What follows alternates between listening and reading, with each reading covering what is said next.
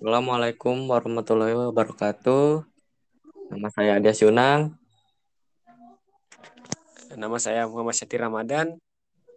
Kami dari kelas 10 MIPA 2 akan membacakan tentang tugas dan wewenang Mahkamah Agung. Dimulai dari tugas. Ya, silakan. Mahkamah Agung adalah pemegang kekuasaan kehakiman yang merdeka, artinya terlepas dari pengaruh kekuasaan pemerintah.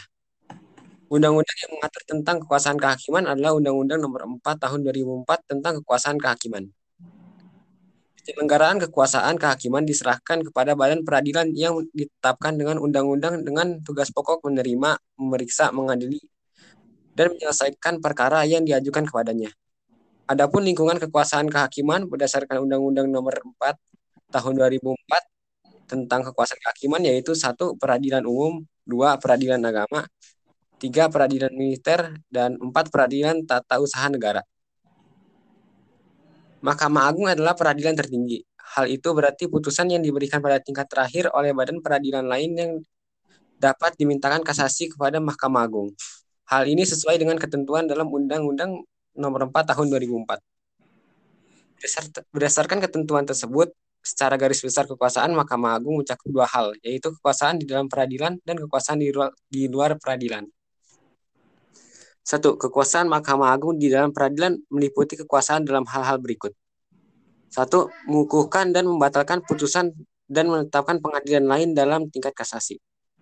Dua, meninjau kembali putusan-putusan pengadilan yang telah mempunyai kekuatan hukum tetapi yang diajukan oleh pihak yang berkepentingan. Tiga, memutuskan sengketa tentang wewenang pengadili antara pengadilan-pengadilan di beberapa lingkungan peradilan. Empat, memberi putusan dalam tingkat banding atas segala keputusan wasit atau pengadilan arbiter, yaitu peradilan swasta yang terdapat dalam dunia perdagangan yang diakui pemerintah. Dua, kekuasaan Mahkamah Agung di luar peradilan sebagai berikut. Satu, melakukan pengawasan tertinggi atas jalannya pengadilan di bawahnya. Dua, melakukan pengawasan tertinggi atas para notaris dan pengacara.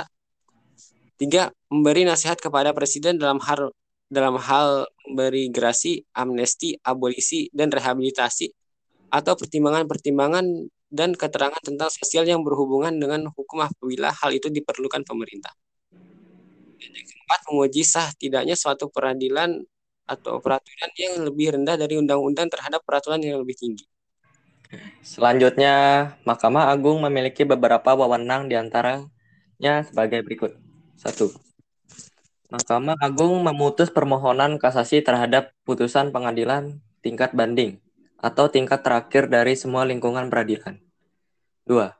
Mahkamah Agung menguji peraturan secara material terhadap peraturan perundang-undangan di bawah undang-undang. 3. Melakukan pengawasan tertinggi terhadap penyelenggara peradilan di semua lingkungan peradilan dalam penyelenggaraan kekuasaan hakim. Susunan Mahkamah Agung terdiri atas pemimpin, hakim anggota, panitera, dan seorang sekretaris. Pemimpin hakim anggota Mahkamah Agung adalah Hakim Agung. Pemimpin Mahkamah Agung terdiri atas seorang ketua, dua wakil ketua, dan beberapa orang ketua muda. Hakim Agung diusulkan oleh Komisi Yudisial kepada DPR untuk mendapatkan persetujuan dan ditetapkan oleh Presiden.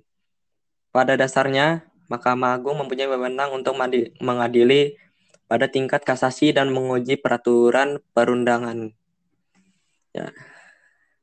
Itu saja, terima kasih dari kita. Wassalamualaikum warahmatullahi wabarakatuh.